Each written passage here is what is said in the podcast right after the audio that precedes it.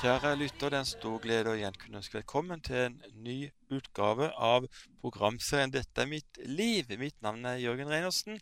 Jeg leder 9010, organisasjonen som produserer disse programmene.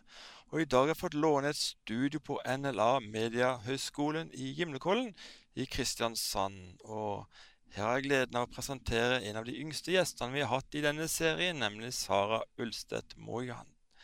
Eh, velkommen som gjest i Dette mitt liv, Sara. Tusen takk. Eh, du har vært plaga av en tøff og invalidiserende angst. Du har faktisk hatt angst i tolv år av livet ditt. Det er mange år, tross din unge alder. Dette skal vi selvsagt komme tilbake til etter hvert. Men la oss begynne helt ifra begynnelsen av ditt liv. Ditt liv starta i Arendal. Ja, det gjorde det. ja. Du var alenebarn? Enebarn, ja. Mm. ja. Mor og far? Eh, meg og mamma. Ja. Mm. Har jo kontakt med pappa, men har alltid bodd hos mamma. Ja, Mm. akkurat. Du var på barneskolen første gang Mm. angsten meldte seg. Ja, den begynte sånn smått allerede nok i, som små tegn i barnehagen, men den var ikke noe sånn framtredende. Men på barneskolen ble det mer og mer tydelig, sånn som at jeg f.eks. var redd for ut i friminutta. Lærerne måtte begynne å bruke sånn gul refleksvest fordi at jeg ville se hvor de var hen. Måtte liksom ha sånne trygghetspersoner i nærheten, da. Mm. Eh, og vi vet jo ikke helt egentlig hvordan det starta, eller hvorfor jeg fikk det, eller noe, men det, det bare Verden ble en så utrygg plass for meg, da, på så mange punkter. Men det var jo først og fremst å bli syk jeg var redd for. Å kaste opp og bli kvalm. Det, altså, det var det verste jeg visste. Jeg var så redd for det. At eh, det ble sånn Å spise mat ble skummelt og ikke sant. Så allerede på barneskolen så viste det seg litt smått, da. Mm. Det var også sånn at din mor måtte hente deg på skolen av og til. Ja. Eh, hun eh, måtte hente meg mellom eh, to til kanskje fire ganger i uka. Det kom helt an på. Hvis jeg i det hele tatt klarte å gå. Eh, for jo reddere jeg ble, jo mindre turte jeg jo. Og det var jo kamp om morgenen. Jeg var så redd for å gå ut den døra og for å gå på skolen. Og så redd for å bli syk. Mamma måtte love meg at ikke jeg skulle bli syk. Eh, og det bare Det var konstant frykt, da. Så hun henta meg altså flere ganger i uka, og hun kjørte meg til skolen. Hun fikk eh, begynne litt seinere på jobb, sånn at hun kunne kjøre meg til skolen. Så hun kunne sette meg av og se at jeg faktisk kom meg dit, da. Og eh, jeg sto der og hylgrein i full panikk, og hun hylgrein, men måtte jo bare kjøre, for hun visste at så fort det kom noen andre, så tok jeg meg sammen, for at jeg ville ikke vise det til noen. For det var, det var liksom en skam, da. Mm, allerede som liten. Men når du eh, ble henta, da, så så vel de andre elevene det. Ble du mobba? Nei, ikke sånn, faktisk. Altså, jeg vil aldri si at jeg ble mobba sånn på barneskolen og sånn. Altså, jeg var vel alltid litt hun rare, vil jeg si. Hun som ikke turte å være med på så mye, og som fort klagde og, og var veldig, veldig opptatt av at hvis andre gjorde ting som ikke var helt greit, så måtte jo jeg sladre, eksempel. Sånn som det. Men det handla jo litt om min utrygghet, da. Eh, men det var aldri noen som var sånn stygge med meg, egentlig. Men nå hadde jeg mine faste venner, og så var jo bare resten der, liksom. Det var, jeg hadde nok med meg sjøl. Mm. Du likte heller ikke gymnastikk. Da pressa du deg sjøl og Mm. Ja. Det var bare noe med det at en, den minste forandring i kroppen Altså, jeg jo Jeg fikk jo panikk hvis det bare rumla i magen min, på en måte. Eh, og gym, da pusher du deg jo gjerne litt, og hvis jeg da ble litt svimmel eller bare kjente at hjertet pumpa, så fikk jeg panikk av det. For da tenkte jeg å, nå kommer jeg til å bli syk, og da Nei. Det var det skumleste jeg visste, det òg. Så det, det var ikke lett. Det var mye Det var mange kamper, og det var mange panikkanfall, og jeg måtte ut av timen ofte, hvor jeg bare, bare grein og måtte ringe til mamma, og hun måtte love meg at det gikk bra, og ja. Mm. Grufullt å ha det sånn. Ja, det, det var ikke noe greit. I femte klasse så gikk det fra vondt til verre. Ja. Nei, altså Det var bare som at da, da ble det for mye, rett og slett. Og angsten bare tok helt overhånd. Da var det Jeg var veldig lite på skolen. eh, Og utenom skoletida så var jeg kun hjemme. Før det så hadde jeg jo fortsatt klart å leke litt med venner og hadde hatt litt overnattinger eller vært på overnattinger, selv om Jeg var jo kjemperedd, men jeg hadde i hvert fall klart det. Men da ble det sånn Venner som banka på døra, de fant jeg unnskyldninger til for å sende de bort igjen, fordi jeg turte ikke bli med.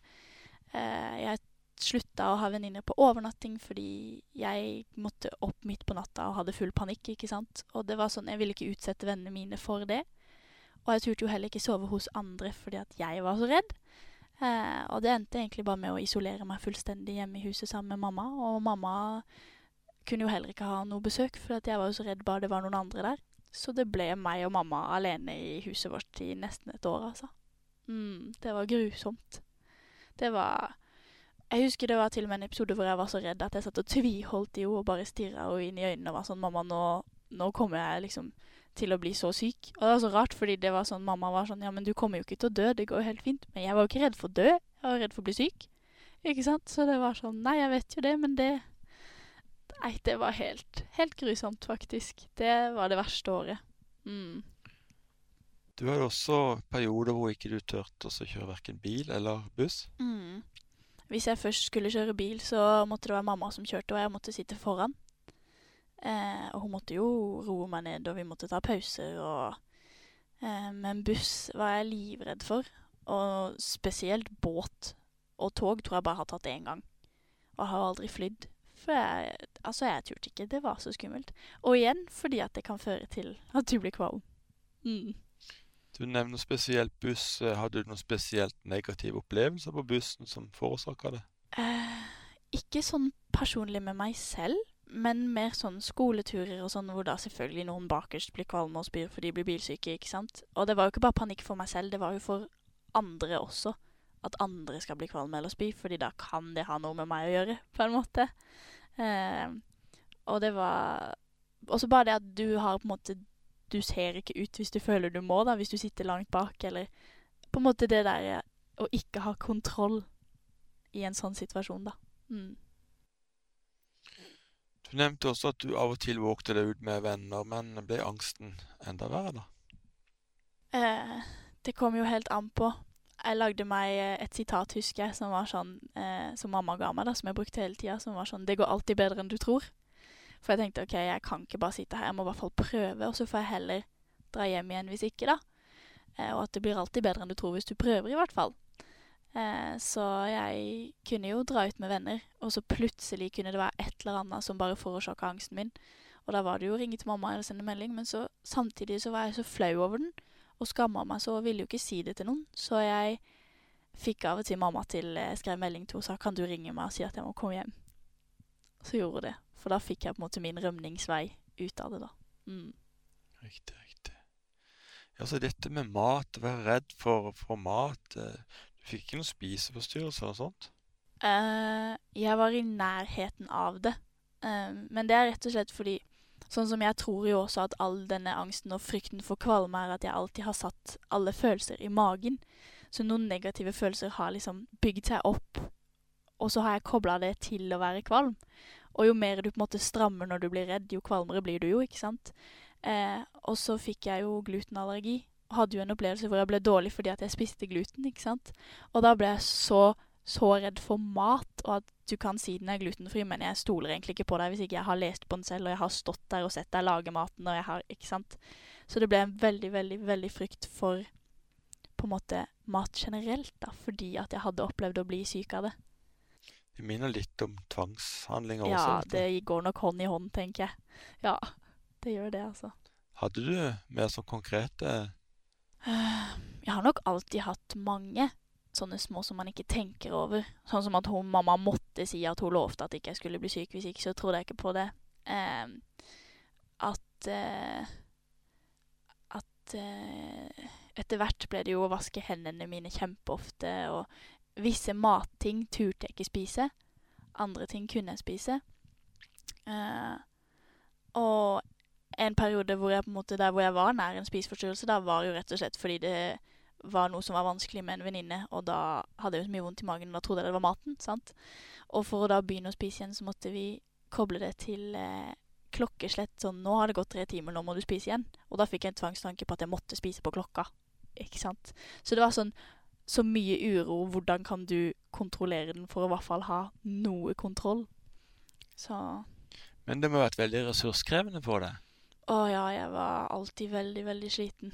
Det var, det var begrensa hva jeg orka å gjøre. Altså, når man har vært på skolen, hvis jeg da i det hele tatt klarte å være der lenge, da, så trenger man jo da gjerne viss mengde søvn, og hvis jeg da i tillegg våkna opp med angstanfall på natta, eller Så fikk man jo aldri den fulle hviler. så det, det var begrensa hvor mye energi og overskudd jeg hadde, da.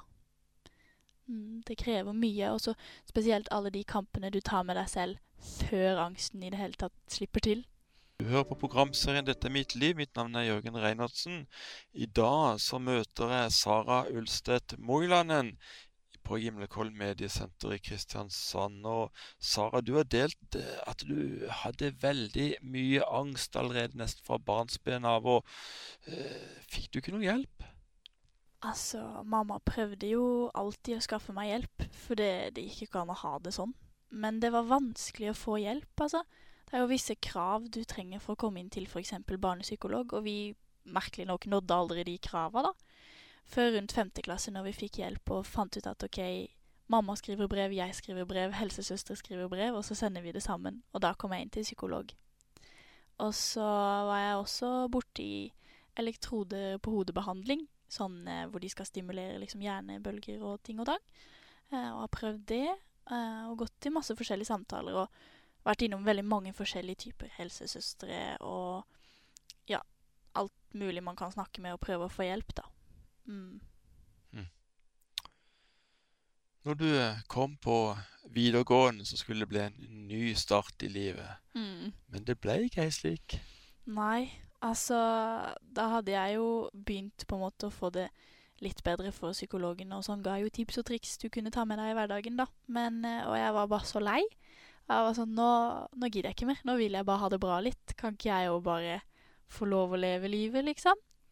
Eh, og så kom jeg ja, på første året på videregående på helse og tenkte nå, ingen her nesten kjenner meg, og nå kan jeg bare starte helt på nytt. Og skal ikke ha noe tilrettelegging. Ikke sant? Det var helt der.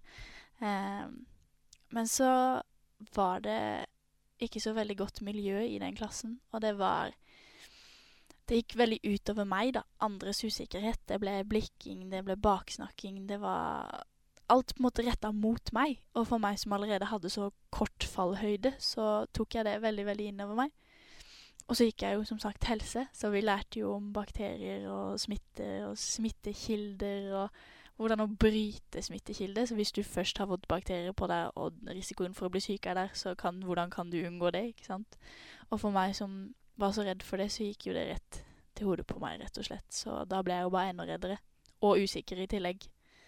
Um, så det førte jo til uh, verre tvangstanker, da. Så jeg begynte jo å vaske hendene mine oppimot uh, 30 ganger om dagen på et punkt. For jeg var så redd for smitte. Det var helt vilt, faktisk. Uh, jeg sa til de andre i klassen min at jeg hadde vintereksem. For de reagerte jo på hendene mine. Men sannheten var jo at jeg vaska de jo i hjel. Mm. Så det er vilt å tenke tilbake på nå, faktisk. Uh, du var jo også gjest på dette her uh, helaften i Vennesla for et par uker siden. Det er et arrangement vi har hvor vi samler en del mennesker til et, et sosial kveld med mye sang og musikk og vitnesbyrd og sånt. Og der var det jo nesten ja, i hvert fall 230 gjester.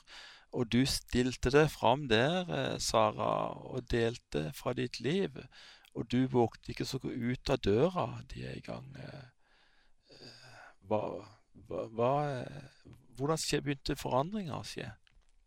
Nei, altså Mens jeg da satt der midt i en dam av eh, angst og dårlig selvbilde og kom så langt ned at jeg tenkte jeg er jo ikke verdt noen ting. altså Vennene mine er jo bare med meg fordi de må, og jeg Altså, det var null håp, liksom. Jeg var, jeg var ikke verdt noen ting. Jeg skjønte ikke at noen kunne være glad i meg, rett og slett. Og altså deprimert og alt. Så gikk jeg i klasse med ei jente som hadde vært der hele det året, men som jeg egentlig ikke hadde snakka med. Som jeg plutselig begynte å, å komme i kontakt med. Eh, og hun fortalte det at hun gikk eh, i menighet, og hun var veldig åpen om at hun var kristen og trodde på Gud. Og, og, jeg har alltid vært veldig interessert i religion. Og jeg har jo hatt en tro på at det fins en gud og noe som er større enn meg selv, men aldri det her på Jesus, og det har aldri betydd noe sånn veldig for meg. Det har mer vært en tradisjon, da, og det Man konfirmerer seg i kirka, liksom, men ikke, ikke sånn en tro jeg har hatt, da. Ikke noe personlig. Nei. Eh, men så var det noe sånn Når hun begynte å snakke, så interesserte det meg litt ekstra. Og så nevnte hun at eh, hun gikk i et ungdomsarbeid i Philadelphia Arendal, og om kanskje jeg hadde lyst til å bli med. Og på det tidspunktet der så var jeg jo egentlig sånn Nei, det orker jeg ikke, og det tør jeg ikke, og det Men så var det bare noe med det som virkelig bare trakk på meg, og jeg turte å åpne meg opp til henne og fortelle om at ting ikke var så lett. Eh, og da sa hun det med at Men det fins jo håp i Gud. Og da kjente jeg bare at hvis det fins håp i Gud Jeg har prøvd så mye for å bli kvitt det her. Altså, hvorfor ikke prøve dette? Så da ble jeg med på det ungdomsmøtet.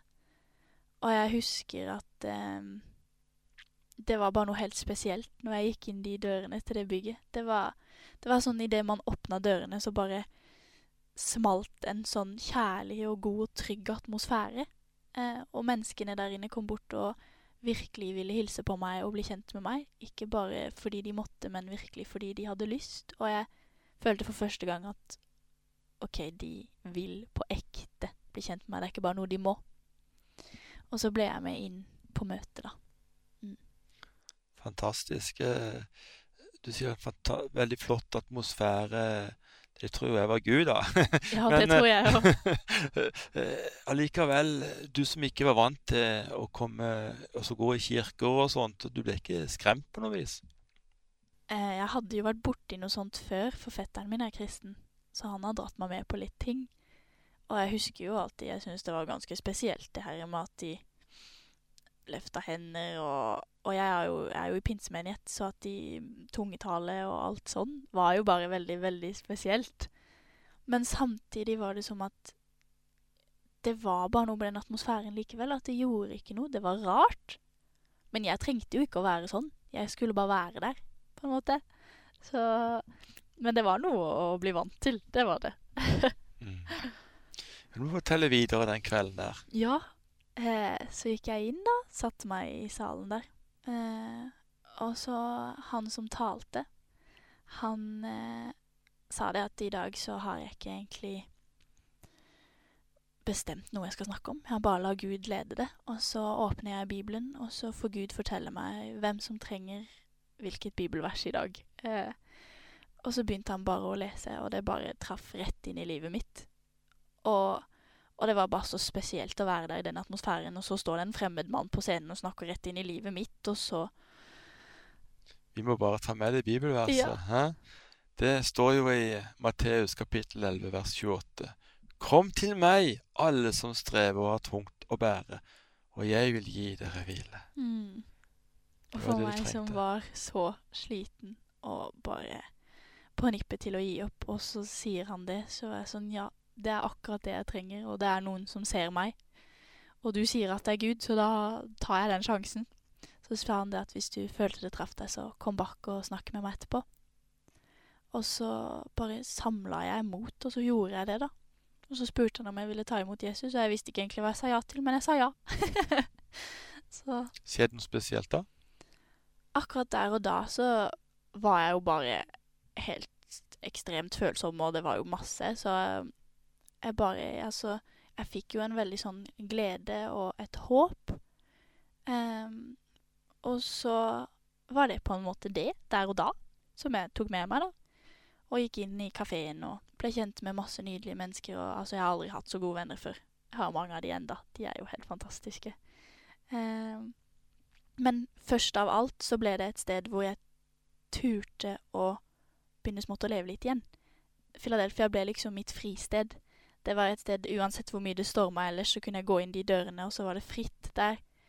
Eh, og de hadde jo masse opplegg som bilrebusser og gøye ting, og sånn som jeg som var livredd for bil. Med de ble jeg med på bilrebuss, ikke sant. Så det ble et trygt sted å starte smått. Og så samtidig så ønska jeg å bli kjent med Gud og få hans nærvær, da. Og jo mer jeg på en måte ønska det og søkte det og gikk på møter, jo mer av det fikk jeg. Og sånn starta det jo da også en prosess i meg, da med å bytte ut alle løgnene løgntankene og alt som jeg på en måte hadde bygd livet mitt på, ut med sannhet, da. Mm. Mm. Andrea ble en viktig person for deg i tida som kom. Ja. Det var jo hun som svarte meg på masse spørsmål jeg hadde, og som tok meg med på forskjellige møter. Og, og hun ble jo først på en måte den som jeg ble kjent med Gud igjennom. Så hun vil jo alltid ha Jeg kaller henne jo for lyset mitt, fordi det alltid var noe helt spesielt med henne som jeg la merke til at, at hun hadde noe jeg også ville ha. Um, og så var det jo hun som var med meg alle gangene, sånn hvis jeg egentlig ikke turte helt å gå fram til forbønn, eller Men jeg kjente at de snakka til meg, så var hun den som ga meg det lille ekstra dyttet til å gjøre de tinga som førte meg videre på veien, da, med, i denne prosessen. Mm. Din mor Mm. fikk jo ei forvandla datter, eh, og hvordan reagerte hun? Nei, altså, først av alt så merka hun jo bare hver gang det skjedde ting. Altså, jeg dro jo på møter hver fredag fordi at jeg elska det jo. Og hver gang snakka de jo til meg, og jeg hylgrein. Og så kom jeg hjem, og så var jeg så mye lettere etterpå og hadde glede. Og, og bare det Hun fikk jo være med på alt det, for jeg fortalte henne jo alt. Og hun syntes jo det var helt fantastisk, bare det at jeg turte å gå ut. Altså, hun kjørte meg med glede og henta meg jo seint på natta igjen hvis jeg skulle være der lenge, fordi at hun syntes jo bare det var helt fantastisk. Og så tror jeg hun òg på en måte sakte, men sikkert så jo hvordan jeg ble tryggere og sånn. Men den største forvandlinga kom jo i senere tid. Og da var det jo egentlig underveis i denne prosessen også, når jeg ble talt til på møter og alt, så var det som om Gud på en måte sa til meg, men Sara, du skal ikke ha det sånn her. Altså, jeg skulle ikke bare være fri på møter, jeg skulle Livet skal jo også kunne leves utafor menighetsbygget. Um, og da var det jo OK, jeg stoler på deg, Gud. Jeg tror på at jeg skal bli fri, og så får det bli når du mener jeg er klar, da. Uh, og så under et møte bare med helt vanlig lovsang, så bare kjente jeg at uh, det kom en sånn veldig, veldig fred og en glede, og bare at jeg bare kjente at oi, nå skjedde det noe. Og først tvilte jeg jo og var sånn oi, har jeg blitt helbreda nå? Men så bare kjente jeg at ja, det, det, det, har jeg faktisk. Jeg kan ikke tvile på Gud. Jeg må bare bestemme meg for at Gud helbreder, og nå har han gjort det, og det skal jeg ikke tvile på. Og så skjedde det jo faktisk, altså. Det gikk jo først to dager hvor jeg bare ikke hadde angst i det hele tatt, og ingen løgntanker eller sånne ting. Og så gikk det en uke, og så gikk det to, og så gikk det en måned, og så Ja.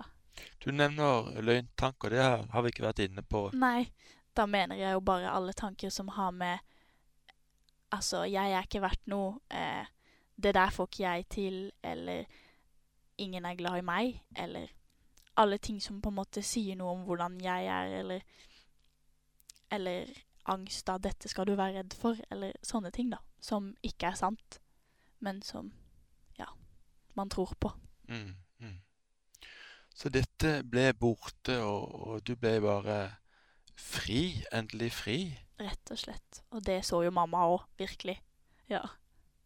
Hun sa jo det nå 'Nå har du blitt Saraen min igjen', sa hun. Fordi angsten var så veldig, veldig stor, og veldig Den tok jo så mye plass i livet mitt. Det handla jo ikke om hva jeg ville, hva jeg hadde lyst til, eller hva jeg likte. Det handla om hva angsten lot meg tørre å gjøre og ikke. Så det var jo ikke mitt eget liv. Så når den endelig ble mitt liv igjen, så så, så jo mamma og det, og ja, det er jo helt fantastisk. Mm. Du valgte også å døpe deg i Philadelphia? Ja. Det var jo midt under denne prosessen. Så var det noen som talte om at eh, i en sånn helbredelsesprosess så kan det å døpe seg være med på å hjelpe det. For i Philadelphia så tror vi jo på at du skal døpe deg når du er voksen og selv har tatt det valget om at du vil følge Jesus. Og da sa pastoren min så fint en gang at når du velger å døpe deg, så er det som at du kan sette en dato på den dagen hvor du begraver det gamle livet ditt, med alle ting du sliter med, og alt som er vondt, og alt som på en måte djevelen da prøver å nå deg på. og så får du en dato på den dagen du har stått opp igjen og har valgt å leve med Jesus. Og da, når løgntanker og vonde, gamle ting fra det gamle livet prøver seg, så kan du peke til den datoen og si 'sorry, men du kan ikke nå meg lenger'. Og for meg ble det et så fint bilde på at å, det Det er bare noe jeg trenger å bruke. Det er noe jeg bare har så lyst til å bare kunne ha den datoen, da. Så da gjorde jeg det. Andre i andre 2020 så ble jeg døpt av Andrea. Mm. Mm. Fantastisk. Det er veldig gripende å, høre din eh, trosreise og livshistorie. Det eh, Hvordan reagerte omgivelsene? Nå hørte jeg at din mor var veldig lykkelig, men venninnene, når de så en forandring som skjedde? Nei, altså Jeg har jo kun hatt nesten ei venninne som har vært der hele veien. Eh, men hun har jo sagt til hun at man, man merker at, at det har skjedd noe. Eh, og folk jeg gikk på eh, barneskolen og ungdomsskolen med, de fleste kjenner meg jo ikke igjen. Og jeg har ikke forandra meg så mye sånn utseendemessig, men det er det at jeg har fått livet tilbake på innsida.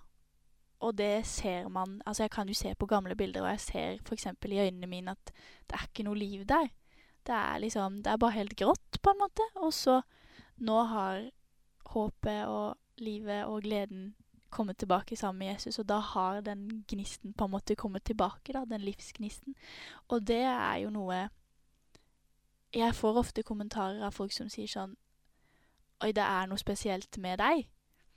Og så er jeg sånn Det er jo ikke meg. Det er, det er jo Jesus. Men, men, bare det sier ganske mye om at de som da ikke er kristne selv, ser at her har det skjedd noe, da.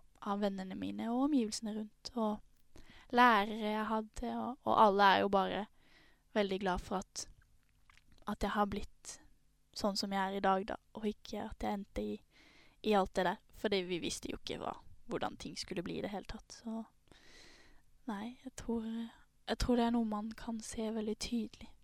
For det handler jo helt om hvor, bare hvordan du bærer deg som person. Om du har skuldrene helt opp under ørene fordi du er livredd, eller om du faktisk kan gå med litt selvtillit liksom, på at, at livet er bra, da. Det vi ikke har samtalt om, Sara, det er jo at eh, helt ifra du ble syk, så har det aldri vært aktuelt å bruke medisiner. Nei. Det har rett og slett vært mamma som alltid har ment at medisiner har jo som regel en del bivirkninger, som igjen kan føre til andre problemer, og så at det da er fare for at du må ha medisiner for de òg. Eh, og spesielt det her med f.eks. Eh, antidepressiva, da. For å døyve angst så gjør det jo gjerne at du blir litt sånn følelsesmessig flat. Men da blir du jo det på alle plan av følelser, ikke bare på frykt og uro. Og det var bare noe mamma bare sa, vet du hva, det, det skal være siste utvei. Vi skal gjøre alt vi kan for å hjelpe deg, uten å på en måte gjøre deg følelsesmessig flat eller gi deg bivirkninger som kan gjøre, påvirke andre ting, da. Så det skulle være siste utvei, og det kjenner jeg er veldig takknemlig for i dag. Fordi hvis jeg hadde vært følelsesmessig flat, så hadde kanskje heller ikke Gud kanskje nådd meg sånn jeg trengte akkurat der og da, da. For da blir man jo litt Ja, jeg er veldig følelsesperson. Jeg er veldig sånn tar ting til meg veldig i hjertet og veldig, veldig sånn, da. Så jeg er veldig glad for det i dag. Så er det jo selvfølgelig noen som trenger det, og det kommer jo helt an på personer. Men for meg var det ikke det som var løsninga. Det, det, var Gud. Kjære lytter, du hører på programserien 'Dette er mitt liv'. Mitt navn er Jørgen Reinertsen. Og i dag så møter jeg Sara Ulstedt Mojeland i eh, Kristiansand. Hun er også da bibelstudie elev, og vi skal få høre litt mer om det etter hvert. Men Sara, du har slitt veldig mye med angst, og du ble fri. Men hender det at uh, du får noen nye angrep? Altså, jeg er fri, men jeg tenker at fri er det å ha muligheten til å velge å være fri, på en måte. Altså, selvfølgelig vil angsten prøve seg, i hvert fall hos meg, fordi det er både min svakhet og min styrke. Eh, og det vil jo komme situasjoner hvor jeg kommer borti ting som jeg før ble så redd av, som jeg vil komme borti i dag også, men jeg møter det på en helt annen måte, og med vissheten om at, at Gud har kontroll, og at, at han har lova meg at jeg er fri, da. Eh, så den prøver seg, men jeg velger å ikke la den bestemme. Angsten er ikke her i mitt liv lenger. Det er det Gud som er. Og, og på den måten så er jeg fri. Og har et liv på en måte hvor, hvor ikke angsten bestemmer lenger, da. Og det var, det var en sånn skikkelig åpenbaring for meg den dagen jeg skjønte hva det vil si at Jesus faktisk tok syndene mine på korset. For jeg har alltid hørt, jeg er jo ikke oppvokst kristen, men jeg har alltid hørt folk si, også etter jeg ble kristen, at ja, men du trenger ikke ha angst, du trenger ikke være redd, fordi Jesus tok jo syndene på korset for deg. Ja, men hva betyr egentlig det?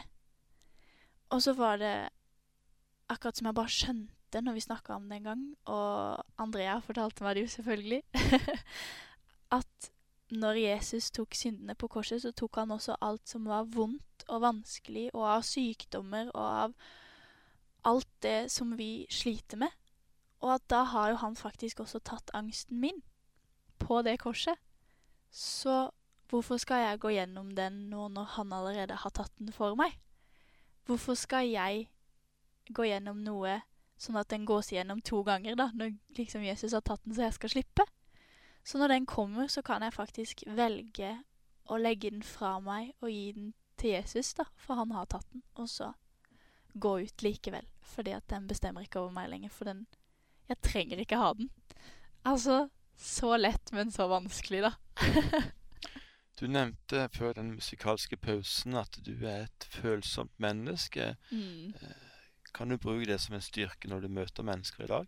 Absolutt. Jeg er jo det som eh, man kaller for høysensitiv. Altså, jeg tar veldig inn over meg inntrykk og andre menneskers følelser, og blir veldig fort på en måte sliten av ting, men samtidig har jeg en veldig evne til å se andre mennesker og til å føle med andre mennesker. Og med min erfaring, da, så har jeg også en egen måte å forstå andres vanskeligheter, og har et veldig også behov for å kunne hjelpe andre, da. Og da tenker jeg at med alt det jeg har vært igjennom nå, så er det ting som jeg kan bruke til å hjelpe andre. Så det har blitt Det var det verste, men det har blitt den styrken jeg har i dag, da. Og det, det er ikke vondt for meg lenger å snakke om heller, fordi det er som å snakke om en annen person. Det er, det er den gamle meg, så nå er det kun en styrke. Jeg går ikke tilbake i noe av det, fordi jeg er ferdig med det. Jeg skal bare bruke det. Og jeg ba jo til Gud om, når det her skjedde meg, må du jeg ber deg, Gud, må du bare bruke meg til dette, til å nå inn til noen andre som sliter med ting. Bruk meg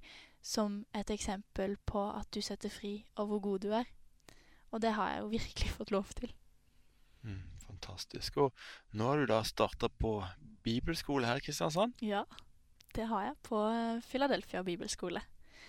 Eh, og det var rett og slett litt samme greia med faktisk når jeg begynte i Philadelphia Arendal. Det her med når du åpner de dørene og den atmosfæren hit det.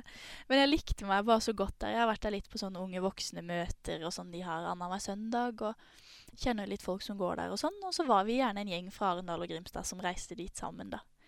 Og så begynte de å snakke om det her med bibelskole, og, og da fikk jeg bare skikkelig hjertebank for at jeg trenger å vite mer og lære mer om den guden som faktisk har satt meg fri, da. Og for den For hva det faktisk er jeg tror på. Jeg vil gå dypere i relasjonen min med Gud. Og da kjente jeg bare at det, det skal jeg gjøre her, på denne bibelskolen. Og så søkte jeg, og så kom jeg inn.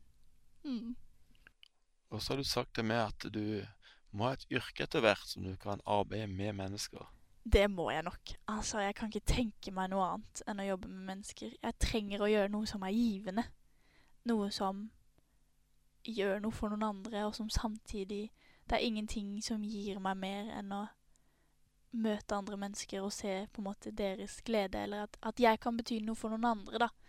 Eh, så jeg har jo vært inne på tanken om både psykolog og sosionom og Men jeg, jeg vet ikke helt ennå. Og så er det jo gjerne som de sier, da. Det året på bibelskole, så tror du du har en plan til du går det året, og så vet du absolutt ikke mens du går der, og så plutselig går veien en annen, helt annen plass enn du hadde tenkt. Så vi får jo se hva det blir. Men med mennesker skal det i hvert fall være. Hva vil du si Jesus betyr for deg? Å, alt. altså, jeg hadde jo ikke noe liv, egentlig, før, før jeg møtte Jesus. Eh, og så samtidig det å se tilbake på at han faktisk var der hele tida. Jeg bare visste det ikke. Eh, så Jesus betyr jo faktisk livet, men også evigheten. Og bare det at jeg vet at jeg har fred, og at jeg er trygg, da. Jeg trenger faktisk ikke være redd for noen ting, fordi Gud har Han har meg i, i sin favn og passer på meg, og har en plan for meg, sånn som han har for alle. Eh, en egen, unik plan for mitt liv og ja, for alles plan. Så alle har en egen plan for sitt liv, så det mm. Sara, du um, har jo også begynt å tale litt på møter rundt forbi, og har du lyst til å komme med en hilsen til lytterne her? Ja, det kan jeg jo prøve på. Nei, altså, jeg tenker at det viktigste man skal sitte igjen med, er å vite at Gud ser deg, og at Gud har lova deg fred, og at han vet hva du står i akkurat nå, og han Enten du sier det til han eller ikke, så vet han fordi han kjenner deg, og han vil ingenting annet enn at du skal ha det bra. Og han vil ha en relasjon til deg, og han har faktisk virkelig, virkelig lovt at han skal gå med deg hver dag. Um, så jeg vil bare oppmuntre deg til å faktisk se litt nærmere på hva Gud har for deg, da, og hva, hva det betyr å ha en relasjon til Gud. Og så vil jeg dele bibelverset som har betydd veldig mye for meg, og det er eh, Alt makter jeg i ham som gjør meg sterk, som står i Filippane 4,13. Og for meg betydde bare det at hver dag så kan jeg faktisk få til hva som helst fordi Gud gir meg styrke. Og det, det kan du også. Så det handler bare om å velge å stole på Gud, og velge å følge det han har for deg, da. Mm. Nydelig.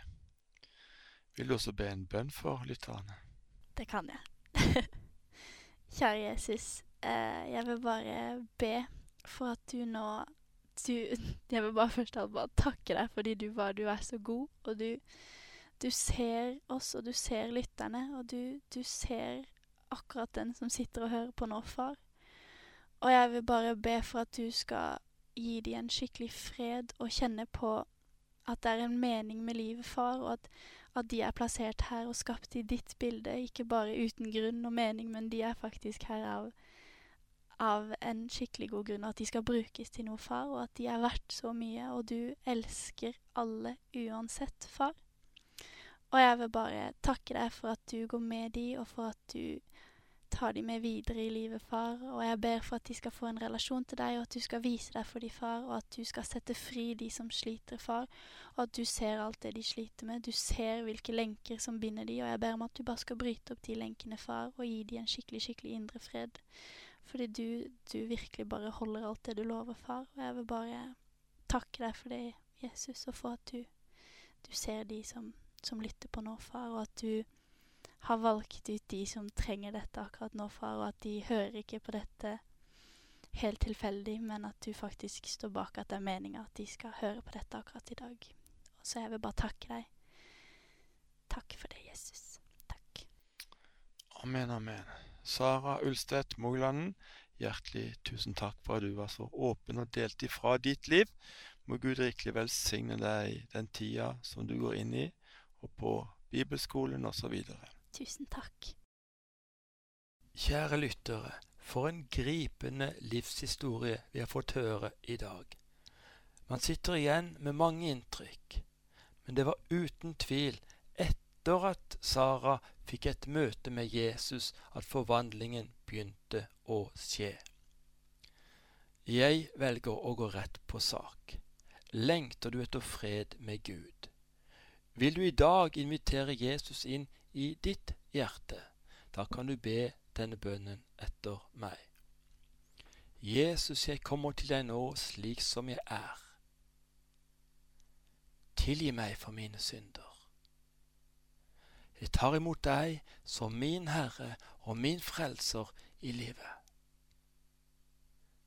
Takk at jeg nå kan kalles et Guds barn fordi ditt ord sier det. Vi vil svært gjerne komme i kontakt med deg som ba denne bønnen, slik at vi kan sende deg en gratis bibel sammen med litt annen litteratur. Du finner meg, Jørgen Reinersen, på Facebook. Ellers er kontaktinfo så klart på vår hjemmeside 9010.no. Dette staves slik nitti10.no. Her finnes også en del videoopptak fra våre arrangementer. Og så er en stor nyhet å dele med dere alle sammen. Nå finnes programserien Dette er mitt liv også på Spotify og Podbean. Etter at programmene har blitt sendt på de ulike radiokanalene, blir de tilgjengelige her. Supert om du deler dette med din familie og dine venner. Når Paulus satt i fangenskap, skrev han det som ble omtalt som gledesbrevet, nemlig Filipperbrevet, og jeg skal lese fra kapittel fire, vers fire til åtte, og jeg leser i Hverdagsbibelen.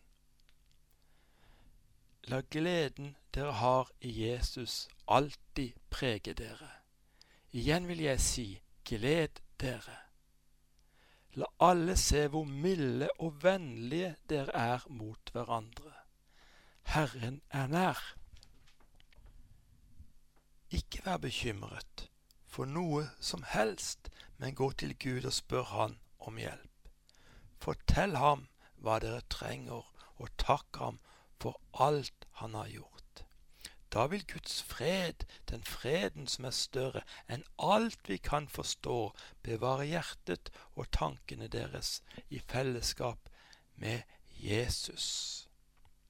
Til slutt, søsken, oppfordrer jeg dere til å fylle dere med det som er sant, det som er god moral, det som er rett, det som er rent, det som er verd å elske alt som det snakkes godt om, det som er av høy standard, og som er verd å skryte av. Slike ting bør dere være opptatt av, sier Paulus. Hjertelig takk for at du har lyttet på dagens program. Håper vi høres igjen neste uke på denne kanalen. Benytt gjerne den anledningen til å invitere noen på en kopp kaffe. Det kan bli mange gode og viktige samtaler etter disse programmene. Husk, kjære lytter, du er høyt elsket av Gud. Du er unik. Det finnes bare én som deg.